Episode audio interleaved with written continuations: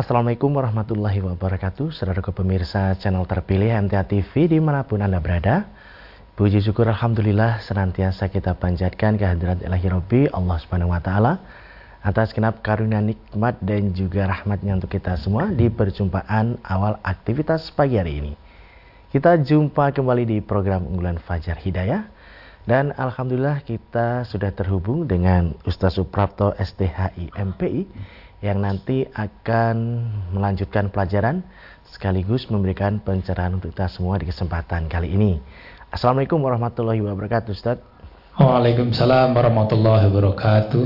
Kabar baik dan sehat pagi ini Ustaz? Alhamdulillah, Alhamdulillah baik. Alhamdulillah baik. Dan pemirsa nanti bisa bergabung bersama kami di line telepon yang sudah kami siapkan di 02716793000 SMS dan juga DWA kami di 08 11 255 3000. Mari kita simak pelajaran kita pagi ini. Silakan Ustaz. Baik, bismillahirrahmanirrahim. Assalamualaikum warahmatullahi wabarakatuh. Alhamdulillah nahmadu wa nasta'inu wa nastaghfiruh wa na'udzu billahi min syururi anfusina wa min sayyiati a'malina. May yahdihillahu fala mudhillalah wa man yudlil fala hadiyalah. أشهد أن لا إله إلا الله وحده لا شريك له وأشهد أن محمدا عبد رسوله. اللهم صل على محمد وعلى آله وأصحابه ومن تبع هداهم بإحسان إلى يوم الدين. وقال تعالى أعوذ بالله من الشيطان الرجيم. بسم الله الرحمن الرحيم. يا أيها الذين آمنوا اتقوا الله حق تقاته ولا تموتن إلا وأنتم مسلمون. وقال وساروا إلى مغفرة من ربكم وجنة أرضها السماوات والأرض أعدت للمتقين أما بعد Bapak, Ibu, Saudara-saudari semuanya yang berbahagia, kita bersyukur kepada Allah. Allah memberikan kesempatan yang luar biasa kepada kita. Sampai hari ini, di pekan yang keempat, kita berpuasa di hari Jumat yang kemudian kita senantiasa mencoba untuk kembali mendengarkan, membaca, mempelajari ayat-ayatnya dan hadis-hadis dari Rasulullah SAW. Kesempatan yang tidak ke semua orang Allah berikan kepada kita. Apalagi kemudian Allah memberikan kesempatan kita bisa menyimak, bisa melihat program Fajr Hidayah yang diselenggarakan oleh MNC di media kita, MTA TV ini.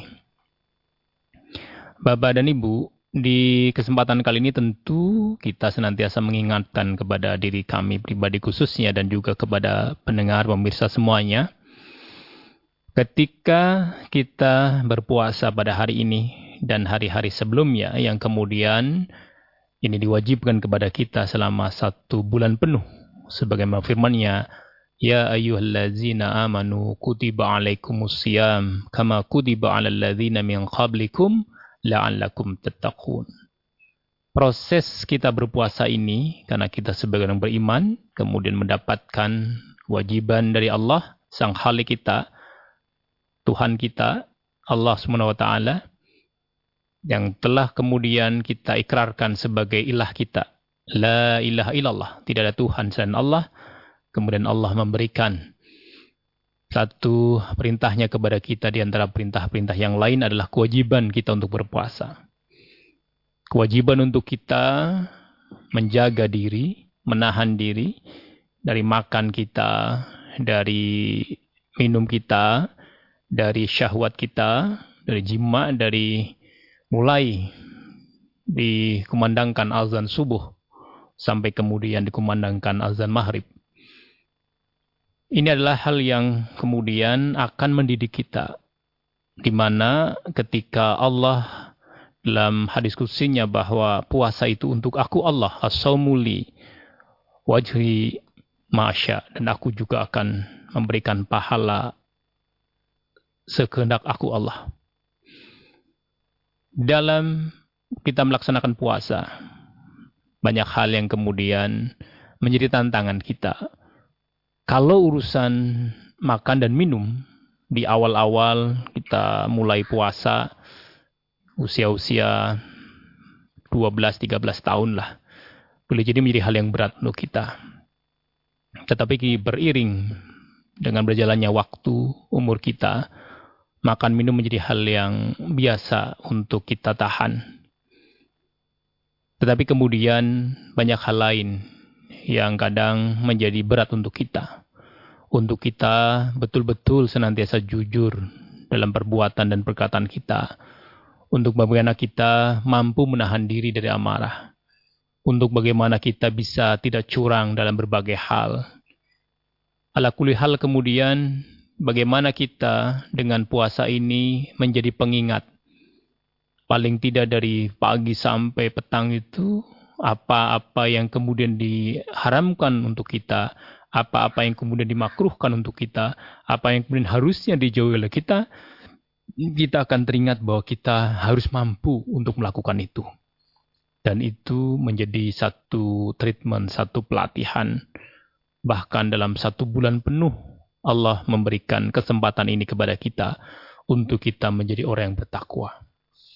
Karena akhir dari apa yang kita tahan tadi sebagai bentuk perujuan kita mengamalkan apa yang diperintahkan adalah bagaimana akhirnya kita menjadi orang yang bertakwa. Di beberapa kesempatan, Al-Ustaz juga menyampaikan kepada kita bahwa proses untuk kita menjalankan apa yang Allah perintahkan dan menjauhi apa yang Allah larang sebagai proses kita untuk menuju ketakwaan. Makanya kemudian dipakai yang di sini adalah la'allakum yattaqun. Mudah-mudahan kamu menjadi orang yang bertakwa menuju ke arah muttaqin, menuju menjadi orang yang bertakwa sebagai sebuah makom, sebagai sebuah station, sebagai sebuah capaian di mana kemudian kalau muttaqun berarti dia posisinya sudah betul-betul konsisten istiqamah untuk menjalankan apa yang perintahkan dan menjauhi apa yang Allah larang. Maka kemudian ketika kita bicara takwa, tidak akan pernah sampai akhir hayat kita adalah sebuah proses menuju ke sana. Sehingga husnul khotimah kita ketika Israel memanggil kita, mencabut kita atas perintah Allah, ketika sudah ja'a ajaluna, maka kita mudah-mudahan menjadi orang yang bertakwa. Karena kita tahu bahwa Tadi kami sampaikan wasari'u ila maghfiratin min rabbikum wa jannatin arduha samawati wal ardu uiddat lil muttaqin. Dan bersegeralah kamu kepada ampunan dari Tuhanmu dan kepada surga yang luasnya seluas langit dan bumi yang disediakan untuk orang-orang yang bertakwa.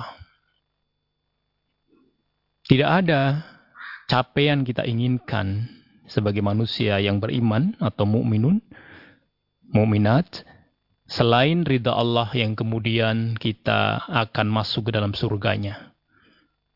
Karena wal akhiratu inda rabbika lil muttaqin.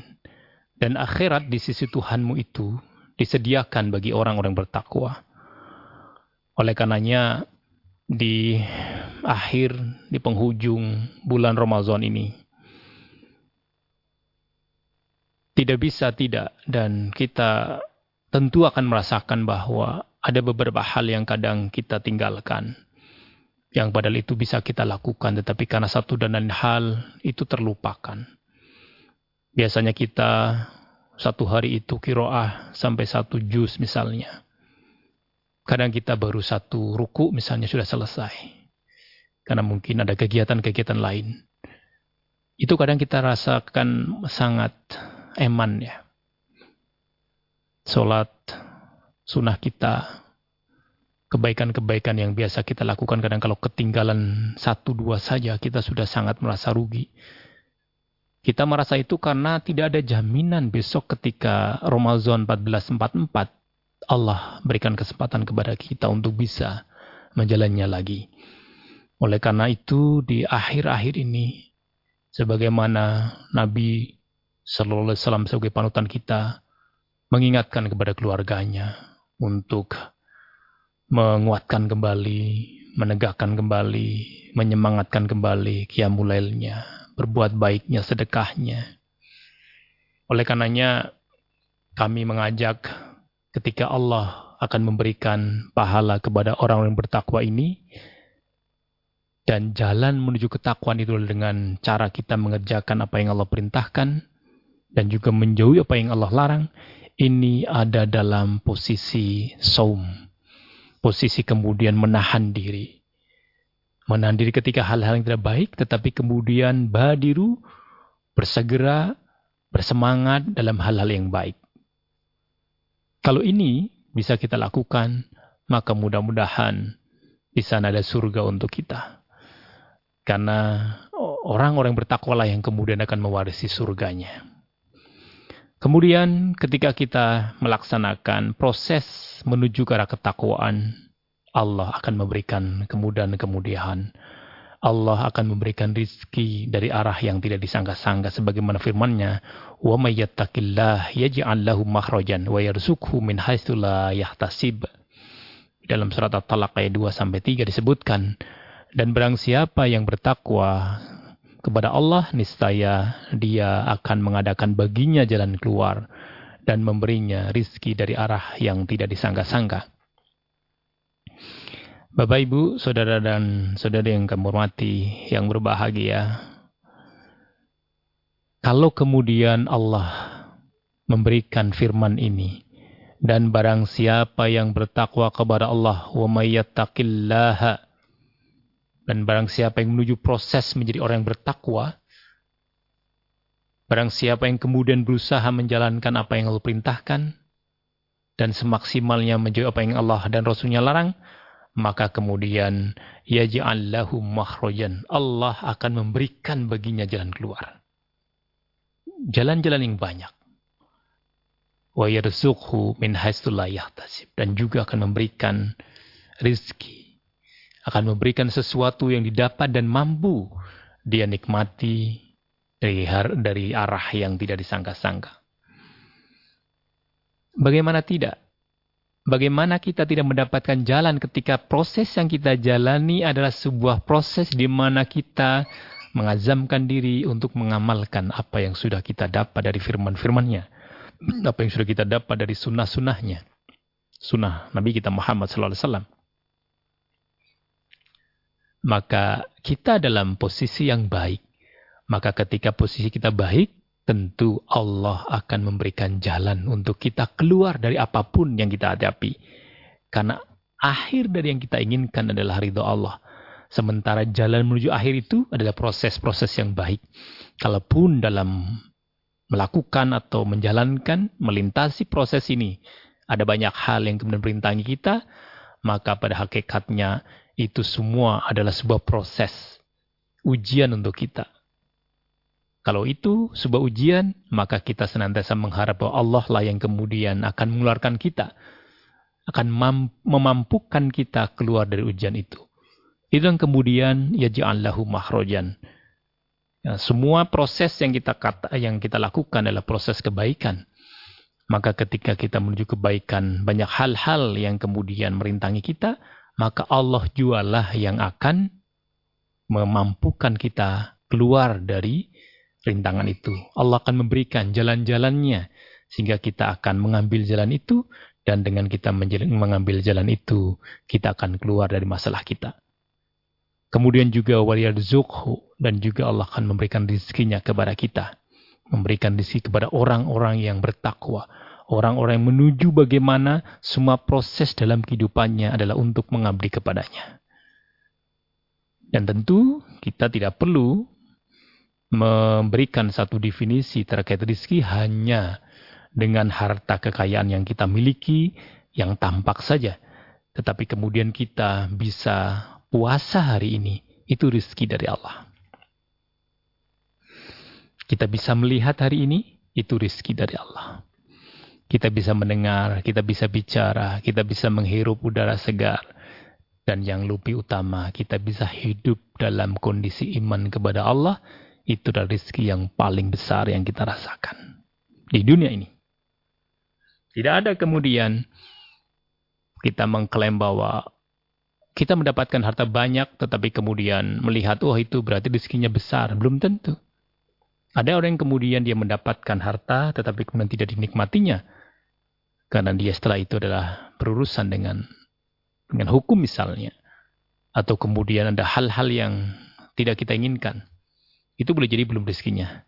Oleh karenanya apa pun yang kemudian Allah berikan kepada kita dan kita mampu menikmati sekarang, kita bisa beribadah dengan nyaman, dengan damai, itu rezeki untuk kita. Oleh karenanya di sini Allah yarzuku min haitsu. Allah juga memberikan rezeki yang kadang kita tidak menyangka-nyangka. Dari malam mungkin kita sedang uh, sakit kepala misalnya, kemudian kita tidur, bangun pagi sudah sehat. Itu kadang kita tidak tidak ada uh, satu keyakinan, oh besok saya sembuh. Tetapi doa kita kepada Allah lah yang kemudian Allah mengabulkan bahwa kita bisa sembuh dari sakit kepala kita misalnya. Kemudian Allah juga akan memberikan semua urusan-urusan kita itu menjadi mudah. Wa may yattaqillah yaj'al lahu min amrihi yusra. Di dalam surat Allah ayat 4-nya itu disebutkan demikian. Allah juga akan memberikan urusan-urusan kita menjadi urusan yang mudah. Allah akan mensimpelkan, akan mensederhanakan urusan-urusan kita. Karena sebenarnya apa? Yang kita lakukan di dunia ini apa pun ya, semuanya kan dalam proses menuju kepadanya, menuju kepada Tuhan kita. Tinggal kemudian pilihan-pilihan jalan kita, apakah akan kita pilih jalan-jalan yang dilalui oleh syayatin, oleh setan-setan, oleh tauhid kita atau kepada jalan Allah fisabilillah. Oleh karenanya kita tentu mengharap bahwa semua jalan-jalan kita lalui adalah jalan-jalan menuju kepada Allah Subhanahu wa taala. Jalan-jalan yang tidak telah ditentukan, jalan-jalan kebaikan sehingga kita bisa merasakan bahwa bentuk ketunduk patuhan kita sebagai hamba yang berkewajiban untuk menyembah kepadanya sebagai tujuan penciptaan kita adalah bentuk bagaimana kita mampu mendekatkan diri kepada Allah. Jalan yang harus kita tempuh adalah bagaimana kita mengkaji kalam-kalamnya, sunah-sunahnya. Kalau kemudian tidak dilakukan itu, bagaimana kita akan tahu? Bagaimana kita mampu menjalani proses ketakwaan ini? proses penjagaan diri kita ini dari apa yang Allah perintah dan larang. Oleh karenanya, kita tentu bersyukur kepada Allah bahwa hari ini kita masih diberikan kesempatan untuk melaksanakan secara zahir berpuasa, tetapi kemudian secara batin kita adalah urusannya dengan Allah Subhanahu wa taala. Karena zahir yang dimaksud tentu semua orang, kaum muslimin, kaum mukminin pada saat ini yang memang berkewajiban berpuasa, yang sudah balik dan dalam keadaan suci tentu, suci dan mati untuk yang haid dan nifas ya, itu adalah bagaimana uh, kita melakukan uh, puasa ini, tetapi kemudian hakikatnya adalah kita kepada Allah. Karena di luar boleh jadi orang tahu, tetapi ketika kita sendiri tidak ada orang tahu, maka sesungguhnya Allah yang maha tahu. Dan kalau kita secara individu melakukan ini, Sementara proses takwa itu kan tidak hanya kepada diri kita sendiri, tapi kepada orang lain juga. Bagaimana kita bersedekah, bagaimana kita berbuat baik kepada orang lain. Maka kemudian bagaimana tidak akan menjadi satu janji yang terwujud bahwa ketika kita beriman kepada Allah, sebagai individu, kemudian individu lain juga demikian, sehingga sebuah komunitas dalam masyarakat itu bertakwa kepada Allah, maka Allah akan memberikan karunia-Nya, berkahnya dari langit dan bumi.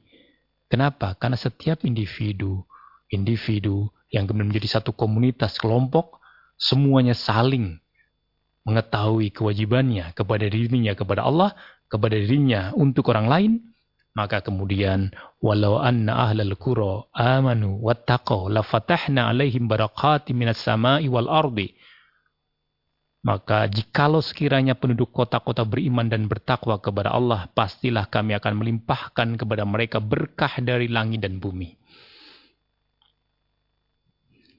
Bangsa Indonesia yang luar biasa besar memiliki populasi penduduk muslim terbesar di dunia. Tentu memiliki potensi yang sangat besar untuk mendapatkan janji ini. Bagaimana tidak? Setiap individu orang yang beriman mencoba proses bertakwa kepada Allah. Mencoba untuk bagaimana semaksimnya mengamalkan apa yang Allah perintahkan kepada kita. Dan menjauhi apa yang dilarang. Ketika kita menjauhi tentu hal-hal yang maksiat. Hal-hal yang akan merusak moral. Merusak tatanan masyarakat. Apakah zina, apakah minum-minuman keras, apakah riba, apakah kemudian kecurangan dalam bertransaksi jual beli, atau kebohongan, atau perampokan dan sebagainya. Semua hal-hal yang kemudian akan merusak tatanan kemanusiaan kita, kita hindari. Tetapi kemudian proses untuk kita berbuat baik, kita melakukan hal-hal yang baik, yang semuanya berujung kepada kemaslahatan masyarakat, setiap individu itu ada, individu yang juga ada, maka kemudian akan terjadi sebuah komunitas yang semuanya beriman dan bertakwa kepada Allah, maka kemudian Allah akan menurunkan berkahnya dari langit dan juga dari bumi.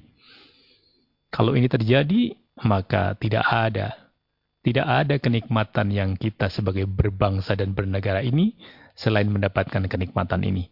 Oleh karenanya peran umat Islam dalam menjaga konsistensi rezeki yang Allah berikan kepada negara kita menjadi sangat besar. Kita sangat berperan aktif. Oleh karenanya tentu harus diakui bahwa orang-orang muslim di Indonesia inilah yang kemudian menjadi sebab turunnya rahmat dari Allah Subhanahu wa taala.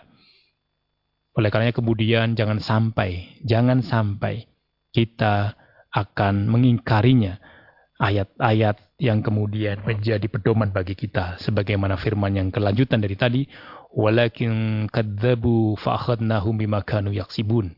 Tetapi nikmat Allah ini berkah dari Allah ini akan dicabut oleh Allah karena apa yang kita lakukan dengan kekafiran kita dengan mengenggani tidak mau mengikuti apa yang Allah dan Rasulnya perintahkan kepada kita.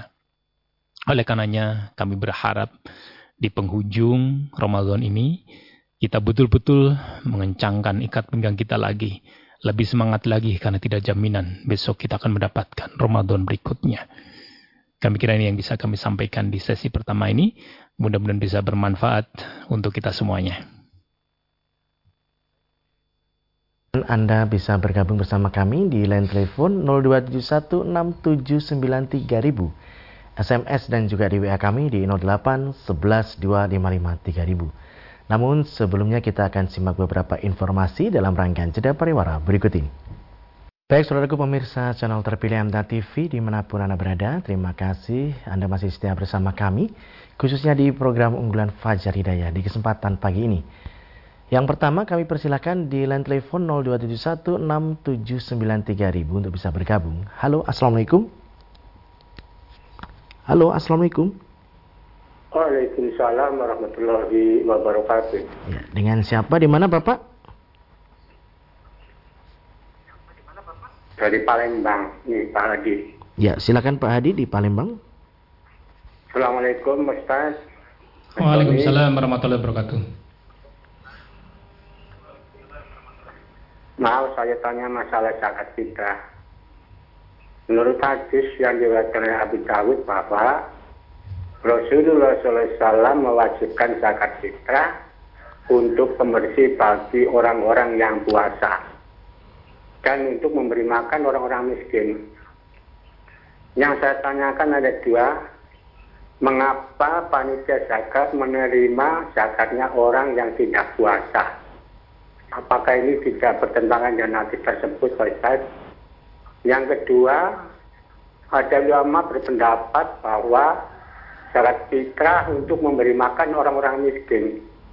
Mengapa dibagikan kepada yang lain-lain?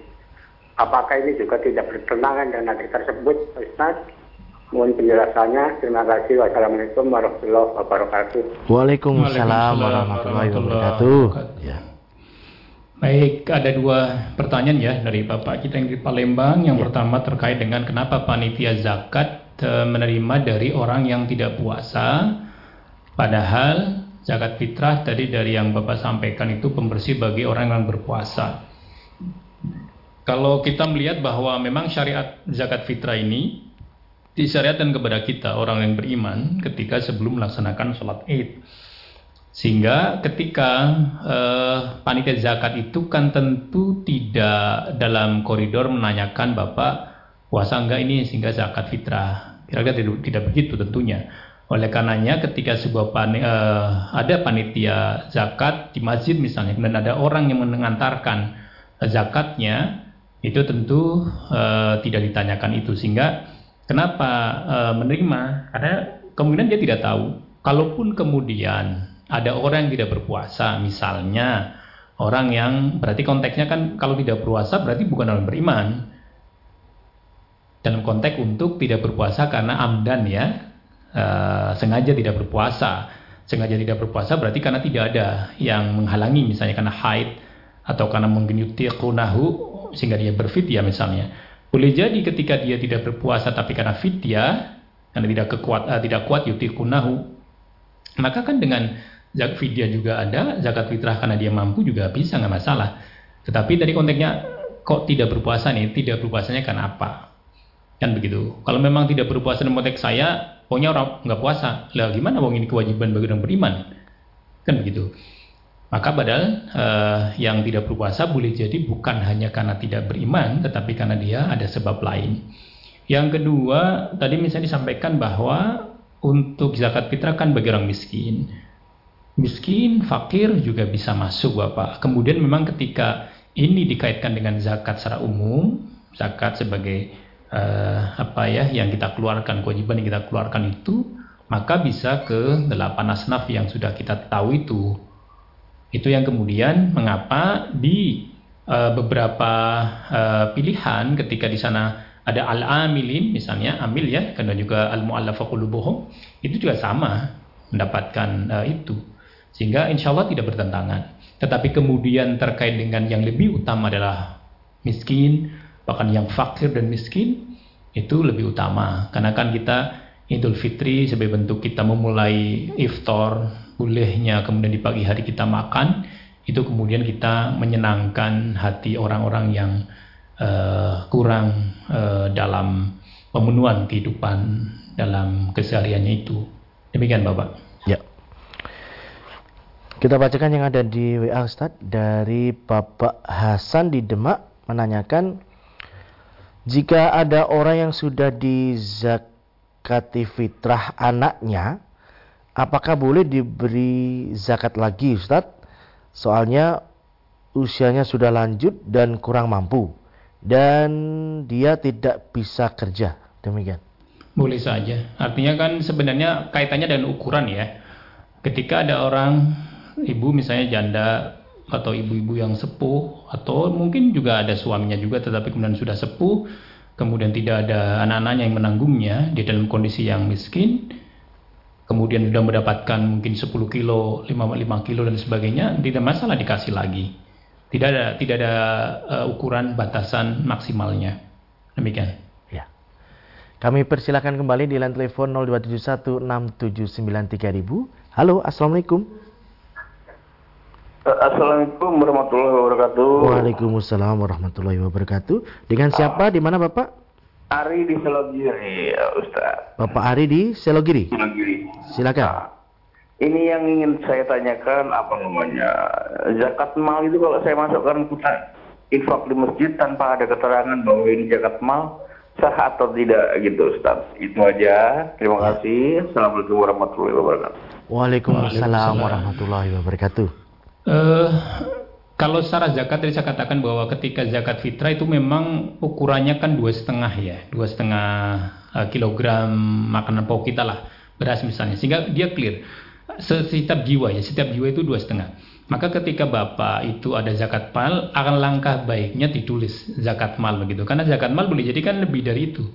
Kita misalnya satu kilo, misalnya kita pakai sepuluh ribu misalnya, kita paling dua puluh lima ribu untuk satu orang kita keluarga 4 berarti misalnya 100 misalnya. Bahwa ternyata kok kita ada 600 500 nya zakat mal misalnya. Tulis saja zakat mal. Insya Allah itu akan memudahkan panitia di takmir masjid dengan pengurus masjidnya bagaimana kemudian akan memanfaatkan uh, zakat mal kita dengan lebih uh, baik. Karena sudah jelas kita oh ini mungkin fakir miskin di daerah kita itu sudah mencukupi maka zakat mal bisa dimanfaatkan dengan golongan yang lain dan visabilillah misalnya renovasi masjid karena mungkin perlu atau mungkin ada eh, hal-hal uh, yang memang kita pandang atau dari uh, pengurus masjid memandang itu masuk dalam kategori delapan yang uh, berhak mendapatkan uh, zakat.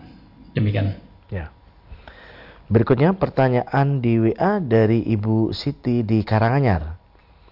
Terkait sholat idul fitri Ustadz, Bagi seorang wanita yang sedang datang bulan, apakah boleh ikut ke tanah lapang untuk mendengarkan khutbah? Dan apa boleh ikut mengagungkan Allah dengan membaca takbir? Mohon pencerahannya Ustaz. Baik Ibu Siti ya, kami coba untuk membuka file-file kami di brosur ya, dan kami menemukan sebagaimana sudah uh, disampaikan juga oleh Ustaz, kami bacakan hadis qalat Ummu Atiyah, amara Rasulullah sallallahu alaihi wasallam an nukhrijahunna fil fitri wal adha wal awatiqa wal huyyadu wa dawatil huduri fa ammal huyyadu fa ya'tazilna salata. Telah berkata Ummu Atiyah, Rasulullah SAW memerintahkan kepada kami untuk membawa keluar anak-anak perempuan yang hampir balik, perempuan yang haid, dan anak-anak perempuan yang masih gadis pada hari raya Idul Fitri dan Idul Adha. Adapun wanita-wanita yang haid itu mereka tidak sholat. Ini hadis riwayat Muslim. Kemudian satu hadis terkait dengan tadi ya untuk apa namanya uh, keluar tadi juga sama juga bertakbir tadi disampaikan. Walil Bukhari qalat Ummu Atiyah kunna nu'maru an nukhriyal huyyada fayukabbirna bitakbirihim fi Nailatul Athar. Dan bagi Imam Bukhari, Ummu Atiyah berkata, kita diperintahkan supaya membawa keluar wanita-wanita yang haid lalu bertakbir bersama-sama dengan orang banyak. Ini dalam Nailatul Autor. Oleh karenanya kalau kita membaca hadis ini dan juga hadis ini sahih, maka disyariatkan, artinya di lah. Tidak ada larangan, bahkan kemudian ada syariatnya. Kita ketika Idul Fitri, Idul Adha, wanita-wanita yang haid pun, gadis-gadis juga itu uh, kita bersama-sama ke tanah lapang bertakbir di sana mengagungkan Allah karena kita menghiasi Idul Fitri kita, Idul Adha kita dengan takbir, membesarkan asma Allah, Allah Akbar, Allah Akbar. Ini yang kemudian uh, disyariatkan oleh Nabi kita Muhammad sallallahu alaihi wasallam. Demikian Ibu Siti. Ya, baik. Kesempatan berikutnya masih di line telepon 6793000. Kami persilahkan. Halo, Assalamualaikum. Halo, assalamualaikum. Waalaikumsalam. Ya, de dengan siapa di mana ibu? Ibu Ani di Cepu. Ibu Ani di Cepu, silahkan. Uh,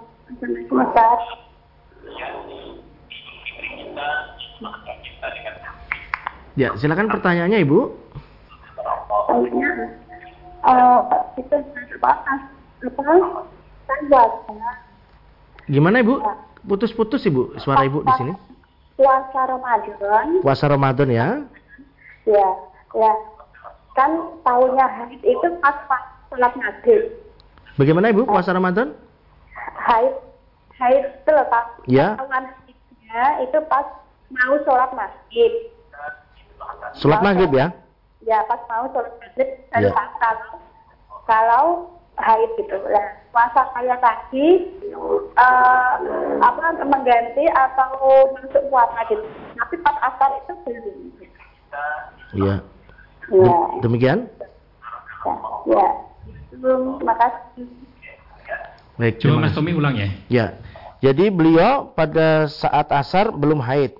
Menjelang masuk sholat maghrib, beliau haid begitu. Nah ini bagaimana Ustaz? Puasa Baik. beliau. Ya, jadi puasa pada hari itu itu e, batal. Batal demi hukum. Karena hukum orang haid itu kan dilarang berpuasa. Walaupun hampir, hampir kan belum sampai. Sehingga tetapi ini hukum ya, hukum. Berarti e, e, batal, batal puasanya demi hukum. Ibu kalau sudah begini, sudah ini ini wilayah ranah agama pahalanya dari pagi sampai menjelang maghrib itu urusan Allah. Allah yang lima tahu. Tetapi kemudian ketika bicara kesempurnaan dan kewajibannya, ibu gugur. Karena haidnya. Ya, pahalanya itu insya Allah, itu wilayah Allah. Tetapi kemudian apakah saya harus mengganti di hari lain? Kami menyampaikan iya, karena kita belum ada uh, waktu maghribnya. Kita belum selesai, tetapi kemudian batal. Kayak sholat lah. Sholat baru tiga rakaat, padahal kita sholat yang empat rakaat. Sudah bahkan kemudian kita sudah anu tahiyat akhir. kita kemudian mohon maaf misalnya buang air apa apa buang angin ya kentut misalnya. Itu juga batal harus mengganti kan sholat lagi begitu. Saya kira ini yang bisa kami sampaikan. Ya. Berikutnya di SMS dari Bapak Yanto di Sragen Ustadz orang yang sudah pikun dan sudah lemah fisiknya apakah masih wajib membayar fidyah Ustadz demikian Ya kalau dia mampu, artinya mampu dan mati secara mal ya, dia dia kan secara fisik yutiqunahu, dia tahu uh, mungkin sakit sepuh ya, itu maka dia mengganti dengan fidyah. Karena tidak mungkin mengganti di hari lain dia tidak mampu. Tetapi ketika beliau sudah uh, sepuh, tidak mampu untuk uh, puasa, kemudian beliau juga tidak mampu, uh, boleh jadi malah dia masuk kategori miskin karena nggak ada anak-anak. Ya tadi saya katakan nggak ada anak nggak ada yang dia miskin dia akan mendapatkan fidyah. Jadi dia mengeluarkan. Dia termasuk orang yang harus kita bantu. Demikian. Ya. Beralih di line kembali kami persilahkan. Halo assalamualaikum ya kita bacakan berikutnya Ustadz yang ada di WA dari saudara kita yang ada di Palembang menanyakan Ustadz apakah bayi yang masih dalam kandungan harus dizakati Ustadz? Dan mohon dalilnya.